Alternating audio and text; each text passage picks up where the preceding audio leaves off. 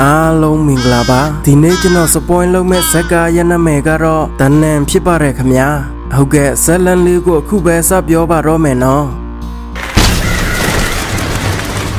1952ခုနှစ်မှရိုမန်နီးယားမြို့စိတ်ခါသာဆိုတဲ့ဖျားကျောင်းမှဒီလရှင်နှစ်ပါးကြောက်ကြောက်ရွရွနဲ့တစုံတရာနဲ့ရင်ဆိုင်ဖို့သူတို့လျှောက်လာကြလိမ့်တယ် အသက်ငယ်တဲ့ဒီလရှင်ရဲ့နာမည်ကဗီတိုရီယာဖြစ်ပြီးအသက်ကြီးတဲ့ဒီလရှင်ဟာဒီကျောင်းတော်ရဲ့ကျောင်းအုပ်ဒီလရှင်ကြီးပဲဖြစ်ပါတယ်ဖယားသခင်ရဲ့အဆုံးတဲ့နေရဆိုတဲ့ဇာသားရေးဆွဲထားတဲ့တကားတစ်ချက်စီရောက်တော့ဒီလရှင်ငယ်ကအပြေမှာစောင့်နေပြီးဒီလရှင်ကြီးကတကားပေါက်ထဲဝင်သွားလေတဲ့ အထဲဝင်ပြီးတိတ်မကြပဲဒီလရှင်ကြီးရဲ့ကြောက်လက်တဲ့အောင်ငိုတန်နဲ့ဒဏ်ရာတွေဖြစ်အဲ့ဒီအခန်းကနေတွားထွက်လာပြီးဒီလရှင်ငယ်ကိုတော့တချောင်းကမ်းပေးကမင်းပါဆက်လို့ရမယ်ဆိုတာမင်းသိတယ်နော်အဆိုပြီးမှကြားနေစင်မှာပဲမမြင်ရတဲ့တစုံတရာကဒီလရှင်ကြီးကိုအခန်းထဲပြန်ဆွဲသွင်းတော်တော့တယ် ဗီတိုရီယာဆိုတဲ့တီလာရှင်ငယ်ကကြောက်ရွံ့စွာပြေးထွက်လာပြီးပဒင်းပေါက်အနားရောက်လာကကိုကိုကိုတက်တဲ့ဖို့ကျိုးခွေတခွေကိုကောက်ယူလိုက်တဲ့သူမကျိုးတွေချီနေစင်မှာအနောက်ဘက်ကိုပြန်လှည့်ကြည့်တော့အမောင်သူထဲကနေကြောက်စရာကောင်းတဲ့ဒီလရှင်ပုံရိပ်တစ်ခုကဒူမစီကိုတပြေးပြေးဝင်လာနေတာတွေ့ရတယ်ဒူမအရန်ကြောက်ရွံ့ပြီးလက်ဘင်းကိုကျိုးခွင်းစုပ်ကအဲ့ဒီပဒင်းပေါက်ကနေတခါတည်းခုန်ဆင်းလိုက်တော့တဲ့ ဒါဟာတနန်စက်ကားရဲ့အစာချီတဲ့ဇက်ဝင်ခန်းလေးပဲဖြစ်ပါတယ်ရဲ့အနှဲငယ်လွန်လာပြီးနောက်အဲ့ဒီဖះเจ้าစီစားနဲ့ရိတ်ခါတွေအမြဲပိုးရမဲ့တာဝန်ယူထားတဲ့ယောက်ျားလေးတစ်ယောက်သူရဲ့နာမည်ကဖရန်ချီဖြစ်ပါတယ်ဒီနေ့သူရိတ်ခါတွေလာပို့တော့ကြိုးကွင်းစွတ်တေနေတဲ့ဒီလာရှင်ရဲ့အလောင်းကိုတွေးလိုက်ရတဲ့ ဒီသတင်းမျိုးရွာတွေမှာပေါက်ကြားလာတော့ကက်သိုလစ်ဘာရာဝင်တို့ရဲ့ဌာနချုပ်ဖြစ်တဲ့ဗာတီကန်မြို့ကဖုံးတော်ကြီးတွေဆွေးနွေးပွဲလုပ်ကြပြီးဒီအဖြစ်အပျက်ဟာတဘာဝလွန်ဆန်နေတဲ့အဖြစ်အပျက်ဖြစ်နေတာကြောင့်ဒါကိုအပြေရှာဖို့ဘတ်ဆိုတဲ့ဖုံးတော်ကြီးနဲ့ Sister Irene ဆိုတဲ့တီလာရှင်လောင်းတို့ကိုရိုမေနီးယားမြို့မှာရှိတဲ့စိတ်ခါတာဖះเจ้าစီလွတ်လပ်ခဲ့တော့တဲ့ ရိုမေနီးယားကိုရောက်တော့ဒီလရှင်အလောင်းကိုတွေ့ခဲ့သူဖြစ်တဲ့ဖရန်ချီစီအဖြစ်အပျက်တွေမေးမြန်းဖို့သူတို့နှစ်ယောက်လာခဲ့လေတယ်ဖရန်ချီကအဖြစ်အပျက်ရဲ့အသေးစိတ်ကိုသူမသိကြောင်းအဲ့ဒီနေ့သူရိုက်ခတ်သွားဖို့ရင်ဒီလရှင်ရဲ့အလောင်းကိုတွေ့ခဲ့တာပဲဟုပြောပြလိုက်တဲ့ အဲ့ဒီနောက်ဖုံးတော်ကြီးကသူတို့ကိုအဲ့ဒီဖះเจ้าစီပို့ပေးနိုင်မလားလို့ဖရန်ချီကိုမေးလိုက်တော့ဖရန်ချီကသူအဲ့ဒီနေရာစီထက်မတော်ချင်တော့ဘူးဆိုပြီးညင်းကဖုံးတော်ကြီးကဒါဆိုတော်နိုင်တဲ့လူရှာပေးပါလားလို့ဆက်ပြောတော့ဖရန်ချီကဒီယိုအမှာရှိတဲ့လူတွေကအဲ့ဒီဖះเจ้าစီတွားဖို့မပြောနဲ့အဲ့ဒီเจ้าတော်နဲ့ဆိုင်တဲ့အကြောင်းတွေတောင်မပြောဆိုရဲကြဘူးအဲ့ဒီเจ้าမှမကောင်းဆိုးဝါးကြီးတွေရှိလို့ဆိုပြီးသူပြောလိုက်တဲ့ အဲ့ဒီနောက်ဒီလာရှင်လေးကသူတို့တာဝန်အရမဖြစ်မနေအဲ့ဒီနေရာတွားရမှဖြစ်လို့သူတို့ကိုပို့ပေးပါဟုဖရန်ချီကိုဆက်တောင်းဆိုတော့ဖရန်ချီလည်းအဲ့ဒီဒီလာရှင်လေးရဲ့အလှကိုမြင်မြင်ချင်းခိုးကြိုက်နေပြီဖြစ်လို့စိတ်ခါတာဖះเจ้าစီပို့ပေးဖို့သူသဘောတူလိုက်တဲ့အဲ့ဒီနောက်သူတို့တွေမြင်းလဲဖြစ်ခရီးနှင်လာကြတော့တဲ့အဲ့ဒီဖះเจ้าနာရောက်တော့မြင်းကဆက်ပြီးမတော်ရဲတော့လို့ဖရန်ချီကပြောလိုက်တဲ့ ဒီနေရာဟာဂျိန်စာတဲ့နယ်မြေဖြစ်လို့ဒီမြင်းကဆက်မတော်ရဲတာဖြစ်တဲ့သူတို့တွေမြင်းလဲကိုထားပြီးခြေလျင်ဖြစ်ဆက်လျှောက်လာကြတော့တဲ့အဲ့ဒီကြောင်ဝန်းထဲမှာလက်ဝါးကတိုင်တွေမြောက်များစွာစိုက်ထုထားတာတွေ့ရတဲ့ဖရန်ချီကသူတို့ကိုရှင်းပြပေးတဲ့ ဒီဖះเจ้าမှမကောင်းဆိုးဝါးကြီးတွေရှိတယ်လို့ရွာသူရွာသားတွေယုံကြည်နေတာကြောင့်ဒီเจ้าဘုံကနေအဲ့ဒီမကောင်းဆိုးဝါးတွေမထွက်လာနိုင်ရအောင်လို့ဒီလက်ဝါကတိုင်တွေမြောက်များစွာစိုက်ထုထားကြရတဲ့သူတို့တွေတအားလောက်ရှောက်လာကြပြီးကျောင်းတော်ရှိရောက်တော့ဖုံးတော်ကြီးကဖရန်ချီကိုမေးလိုက်တဲ့ဒီလရှင်ရဲ့အလောင်းကိုဘယ်မှာထားထားလဲတခြားဒီလရှင်တွေကိုရောအကြောင်းကြားခဲ့တယ်လား ဖရန်ချီကအလောင်းကိုတော့ပုံမပြတ်ရအောင်ရိတ်ခါတွေတို့လှောင်တဲ့အခန်းထဲမှာထားခဲ့တဲ့တခြားလူတွေကိုအော်ခေါ်ပြီးမဲ့ဘယ်သူမှမထွက်လာကြဘူးအဲ့ဒီနောက်ဒီလရှင်ရဲ့အလောင်းကိုကြည့်ဖို့သူတို့တွေဝင်သွားကြတော့တဲ့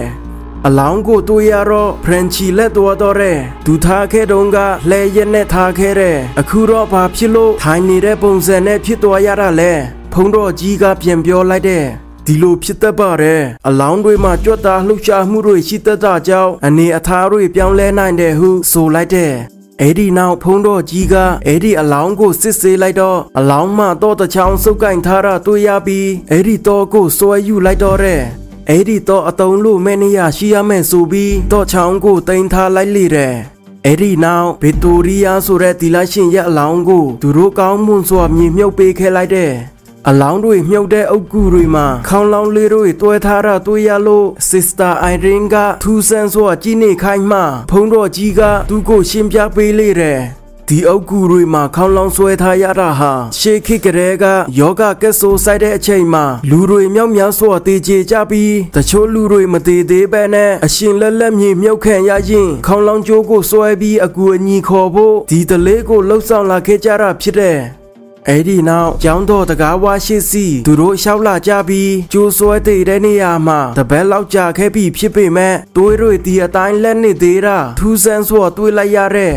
အဲ့ဒီနောက်ကျောင်းတော်ကြီးသေးကိုဝင်လာကြပြီးခြောက်ချားစွာဖြစ်နေတဲ့ပန်းဝန်းကျင်အခြေအနေကိုသူတို့တွေရှောက်ကြည့်နေကြရင်အမောင်ရိတ်ထဲမှထိုင်နေပြီးတကူလုံးခြုံထားတဲ့ကျောင်းအုပ်တီလာရှင်တပါးနဲ့တွေ့ရလေတဲ့ ဖုံတော်ကြီးကသူ့ကိုယ်သူမိတ်ဆက်ရင်သူတို့လာရတဲ့အကြောင်းအရင်းဟာကိုကိုကိုတက်တဲ့ဒီလာရှင်ရဲ့အကြောင်းကိုစုံစမ်းချင်တယ်လို့ဆိုလိုက်တဲ့ ဖရန်ချီကသူဒီနာရွာမှာပဲနေတယ်သူရိတ်ခတ်လာဖို့ရင်ဒီလာရှင်ရဲ့အလောင်းကိုတွေ့တဲ့သူဖြစ်တဲ့အခုအဲ့ဒီအလောင်းကိုကောင်းမွန်စွာမြေမြုပ်တကြိုခဲ့ကြပြီလို့ကျောင်းအုပ်ဒီလာရှင်ကိုသူတို့ပြောပြလေကအဲ့ဒီကျောင်းအုပ်ဒီလာရှင်ကြီးက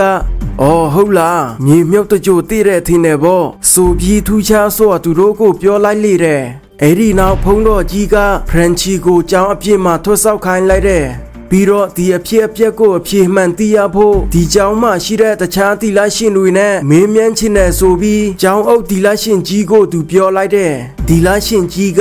ဒီညဒီလာရှင်တွေဖျားစရွတ်ကြရမယ်မနှက်ဖြက်မှမေးမြန်းပါဒီညဒီမှာပဲအိတ်ကြတော့ဟုဖုံးတော်ကြီးကိုပြောလိုက်တော့တဲ့ဖုံးတော်ကြီးလဲဖရန်ချီကိုအိမ်ပြန်ခိုင်းလိုက်ပြီးနောက်တရက်နှစ်ရက်မှပြန်လာကြိုဖို့မှာခဲလိုက်တော့တဲ့ ညပဲရောက်နေပြီဖြစ်လို့ဖရန်ချီလဲကြောက်ကြောက်ရွရွနဲ့နီးအိမ်လေးကင်ပြီးကြောင်းဝန်းကနေရှောက်ထွက်လာနေစဉ်အမောင်သူထဲအမဒီလာရှင်တပါသူရှေ့ကဖျက်လျှောက်သွားတာမြင်တော့အနောက်ကနေသူလိုက်သွားတော့တဲ့အဲ့ဒီနောက်ကြိုးကွင်းစိုးတိတ်နေတဲ့ပုံစံဖြစ်သူရဲ့ရှေ့မှရုတ်တရက်ကြလာတာမြင်တော့သူလက်သွားပြီးလဲကျသွားတော့တဲ့အဲ့ဒီအလောင်းကြီးကတရေအတွင်ဖြစ်လာကသူစီကိုခုံဝင်လာတော့တာပဲ သူလည်းချက်ချင်းရှောင်ပြီးအဲ့ဒီအနားမှာစိုက်ထူထားတဲ့လက်ဝါးကက်တိုင်တစ်ခုကိုဆွဲယူပြီးအဆောင်အဖြစ်လောက်ကသူ့ရဲ့မြင်းလှဲစီလျင်မြန်စွာသွားလေတော့တဲ့အဲ့ဒီနောက် Sister Irene နဲ့ဖုံးတော်ကြီးတို့ရဲ့အစာစားတောင်းနေကြရင်သူတို့ရဲ့ကိုရေးကိုတာအကြောင်းတွေပြောဆိုနေကြလေတဲ့ Sister Irene ကဒူမဟာငငယ်ကလေးကနမိတ်ပုံရိုက်ကြားမြင်နိုင်စွမ်းရှိလို့ဒူမရဲ့မိသားစုဝင်တွေကဒူမယူတယ်လို့ထင်နေကြတဲ့ ဖုံးတော်ကြီးကိုဒူမပြောပြနေတယ်ဖုံတော်ကြီးကလည်းဒီလိုမကောင်းဆိုးဝါးတွေနဲ့ဆိုင်တဲ့အကြောင်းတွေဆိုသာသနာရေးရာဌာနကသူ့ကိုပဲအမြဲတမ်းလာဖြည့်ရှင်းခိုင်းကြောင်းတခါတုံးမှသူပြင်သစ်မှကြုံတွေ့ခဲ့ရတဲ့အဖြစ်အပျက်လေးကိုပြောပြလေတယ် ဒန်နီယယ်လို့ခေါ်တဲ့ကလေးတစ်ယောက်မကောင်းဆိုးဝါးဝင်ပူးနေတာကိုမောင်းထုတ်ဖို့သူလုံနေစင်မှာအဲ့ဒီကလေးသေးဆုံးတော့ရလို့ဒီနေ့အထိသူ့ရဲ့အပြစ်တစ်ခုလို့သူခံစားနေရတဲ့ဆိုပြီး Sister Irene ကိုပြောပြနေလေတယ်အဲ့ဒီနောက်သူတို့နှစ်ယောက်စကားတွေပြောဆိုပြီးကိုအခန်းစီကိုပြန်ကြကအိယာဝင်ကြလေတော့တဲ့ ညတကောင်ရန်ရောက်တော့ဖုံးတော်ကြီးရဲ့အိတ်ခမ်းမှရှိတဲ့ရေဒီယိုဟာအလိုလိုတချင်းတန်ပွေလာပြီးဖုံးတော်ကြီးကအဲ့ဒါကိုပိတ်ဖို့ထားလာကခလေးတယောက်ကသူ့ကိုခေါ်လိုက်တဲ့အတန်ကြားရတော့အတန်နောက်သူလိုက်လာတော့တဲ့ကျောင်းအပြင်ဘက်သူကြည့်လိုက်တော့ခလေးတယောက်သူ့ကိုစိုက်ကြည့်နေပြီးထွက်ပြေးသွားတော့တဲ့သူလည်းအဲ့ဒီကလေးကိုအော်ခေါ်ပြီးကလေးနောက်ပြေးလိုက်သွားလေတဲ့ အဲ့ဒီနောက်အလောင်းတွေမြုပ်ကြတဲ့အုပ်ကူတွေအနားရောက်တော့ခလေးကသူ့ကိုရက်ဆောင်နေကသူလည်းအဲ့ဒီခလေးအနားရောက်တော့အဲ့ဒီခလေးဟာတန်နီရဲ့ဆိုတဲ့ခလေးပဲဖြစ်နေတယ်ခဏနေတော့ခလေးရဲ့ပါဇက်ကနေမွေတကောင်ထွက်လာပြီးသူ့ကိုပေါက်ဖို့ဝင်လာလေတဲ့သူလဲနောက်ဆုတ်ရင်အလောင်းတွေမြုပ်တဲ့မြေကျွင်းထဲကအခေါင်းတစ်ခုထဲမှကျသွားတော့တဲ့အဲ့ဒီအခေါင်းရဲ့အဖုံချက်ချင်းပိတ်သွားပြီးသူ့ကိုမြေမြုပ်ပြီးသားဖြစ်သွားလေတော့တဲ့ နောက်တော့အုတ်ကူရဲ့အပေါ်မှာလဲဖုံးတော်ကြီးရဲ့နာမည်ပါစိုက်ထူထားတာဖြစ်တဲ့ဖုံးတော်ကြီးလဲကြောက်လက်ပြီးအကူညီခေါ်တဲ့ခေါင်းလောင်းကျိုးလေးကိုစွဲလှုပ်ရင်းအတန်ကုန်အော်ဟင်းနေတော့တဲ့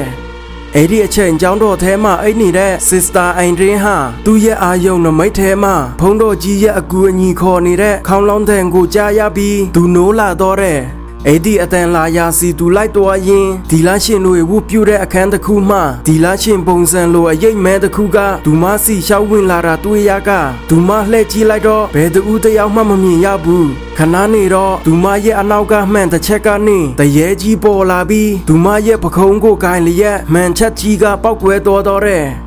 အဲ့ဒီနောက်အခန်းထိပ်မှစိုက်ထူထားတဲ့လက်ဝါကက်တိုင်ကြီးလဲလဲကျသွားတာမြင်တော့ Sister Irene ကြောက်လက်စွာဖြစ်ကျောင်းအပြင်ဘက်ပြေးထွက်လာကဖုံးတော်ကြီးရဲ့အကူအညီခေါ်နေတဲ့ခေါင်းလောင်းတဲ့နောက်ဆက်လိုက်သွားတော့တဲ့အုတ်ကူတွေအနားရောက်တော့ခေါင်းလောင်းရဲ့အတန်ကတခုတည်းမဟုတ်ပဲအတန်တွေမြောက်များစွာထွက်လာတော့ဖုံးတော်ကြီးကိုရှာဖို့ခက်ခဲတော်တော့တဲ့ ဒါပေမဲ့ Sister Irene ဟာဒူမရဲ့ကိုပိုင်အစွမ်းဖြစ်ဖုံးတော်ကြီးရဲ့အတန်လာရာကိုအာယုံပြုလိုက်ပြီးဖုံးတော်ကြီးလှောင်ပိတ်ခတ်နေရတဲ့အုတ်ကူကိုရှာတွေ့သွားကဖုံးတော်ကြီးကိုကယ်တင်နိုင်ခဲ့လေတယ်ဒူလောင်ပိတ်ခံခဲ့တဲ့အကောင့်ထဲမှာစာအုပ်ဟောင်းတွေကျန်းစာတွေမြောက်များစွာရှိနေတာတွေ့ရတော့ဒီစာအုပ်တွေဟာဒီအဖြစ်ပြက်နဲ့ဆက်ဆက်မှုရှိရမယ်ဆိုပြီးအဲ့ဒီစာအုပ်တွေအားလုံးသူယူလာခဲ့တော့တဲ့ နောက်နေ့မနေ့ရောက်တော့တခြားဒီလာရှင်တွေနဲ့တွေးဆုံဖို့ဒီလာရှင်တွေနားနေကြတဲ့ကျောင်းဆောင်ကြီးစီလာကြလေတယ်လေကားနာရောက်တော့မနေ့ကသူတို့တွေးခဲ့တဲ့တွေးစားတွေဟာထူးခြားစွာတွေးပုံကြီးပမာဖြစ်လာတာတွေးရလေတယ်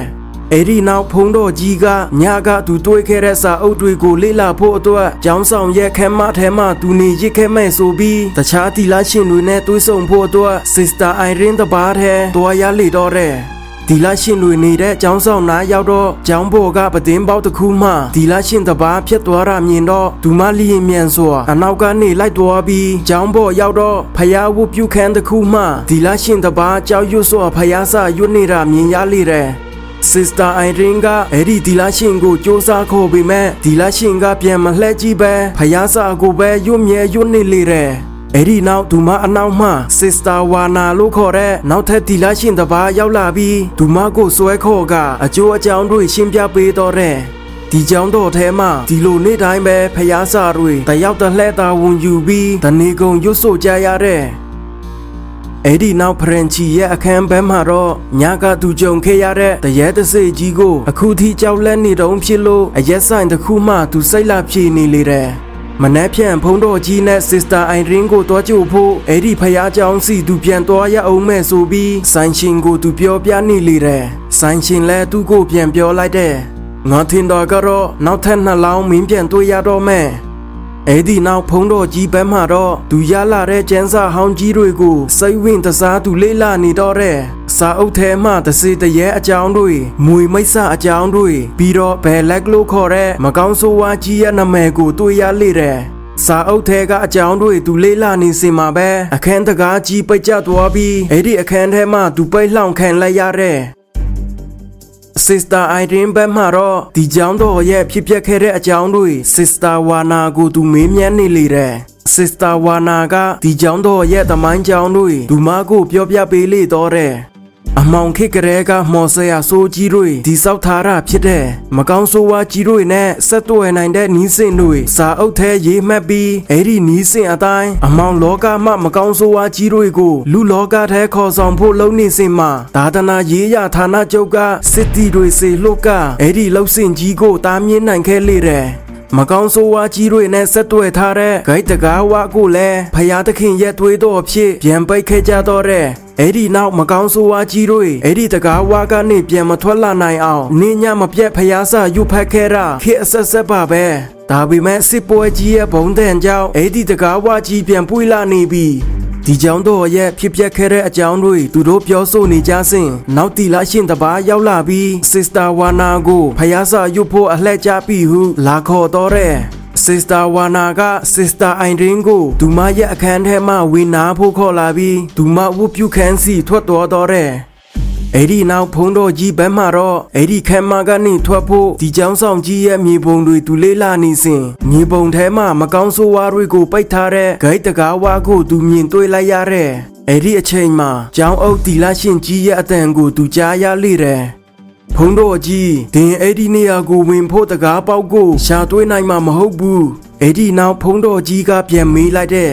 ဒါဆိုစစ်စတာပီတိုရီယာရဲ့အလောင်းကနေရလာတဲ့တော့ချောင်းဟာဘယ်နေရာမှာတုံးရဖို့လဲကျောင်းအုပ်ဒီလာရှင်ကြီးကပြန်ပြောလိုက်တဲ့တင်နောက်ကျသွားပြီးစစ်စတာအိုင်ရင်လည်းမရှိတော့ဘူးသူအဲလိုပြောပြီးငြိမ်ကျသွားတော့တဲ့ဖုံးတော်ကြီးကမတင်ကစိတ်ဖြစ်ကျောင်းအုပ်ဒီလာရှင်ရဲ့အနာကက်လာပြီးမျက်နှာကိုဖွေဖို့လက်ကန်းလိုက်ချိန်သူလက်ထဲမှာလက်ပြက်ကြီးတစ်ဖက်ပါလာပြီးအဲ့ဒီကျောင်းအုပ်ဒီလာရှင်ကြီးလည်းပျောက်ကွယ်သွားလေတဲ့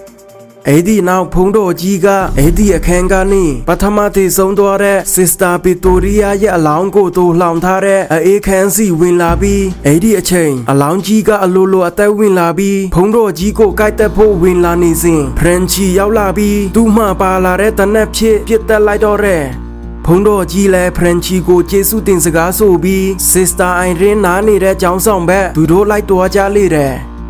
Sister Irene ဘက်မှတစေတရေတွေနဲ့ကြုံတွေ့ရတဲ့အိမ်မက်ဆိုးကြီးကြောင့်ဒူမနိုးလာကဒူမအိတ်နေတဲ့ကတင်ချေရင်းမှဒီလာရှင်တပါးကကြောလှဲ့ပြီးဖယားစာတွေရွတ်နေတာတွေ့လိုက်ရတဲ့အဲ့ဒီဒီလာရှင်အနာဒူမဝင်လာတော့ချက်ချင်းပြောက်ကွယ်သွားပြီးဒူမရဲ့နောက်ကျောမှပေါ်လာတော့တဲ့အဲ့ဒီဒီလာရှင်ဟာကိုကိုကိုတက်တေခဲ့တဲ့ Sister Victoria ပဲဖြစ်ပါတယ်ဖယားသခင်စောက်မပါစီလို့ပြောပြီးချက်ချင်းပဒင်းပေါက်ပေါ်ကနေခုန်ချသွားတော့တဲ့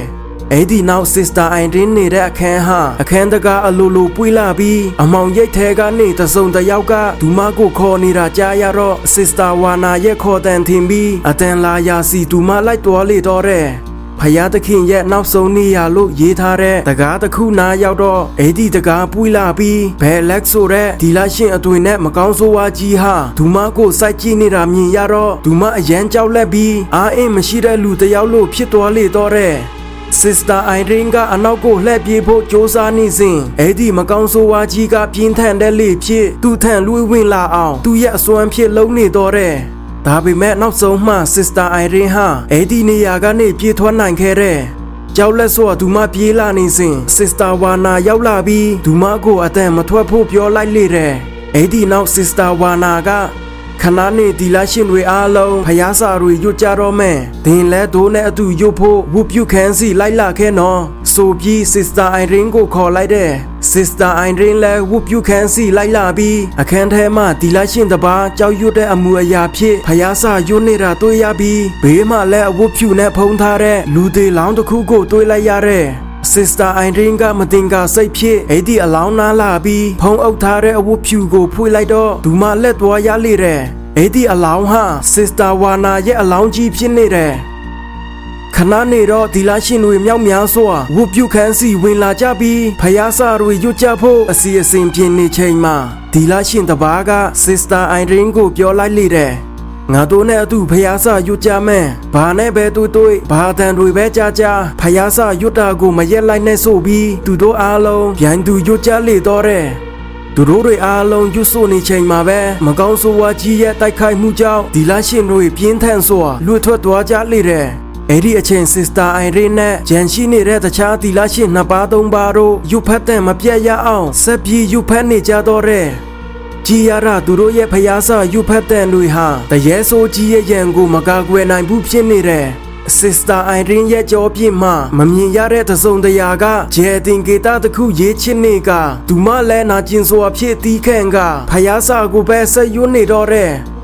အဲ့ဒီနောက်ဝုပြုခန်းအပြည့်မှာဖုံးတော်ကြီးနဲ့ဖရန်ချီတို့ရောက်လာကြပြီး Sister Irene ကိုအော်ခေါ်နေကြတော့တဲ့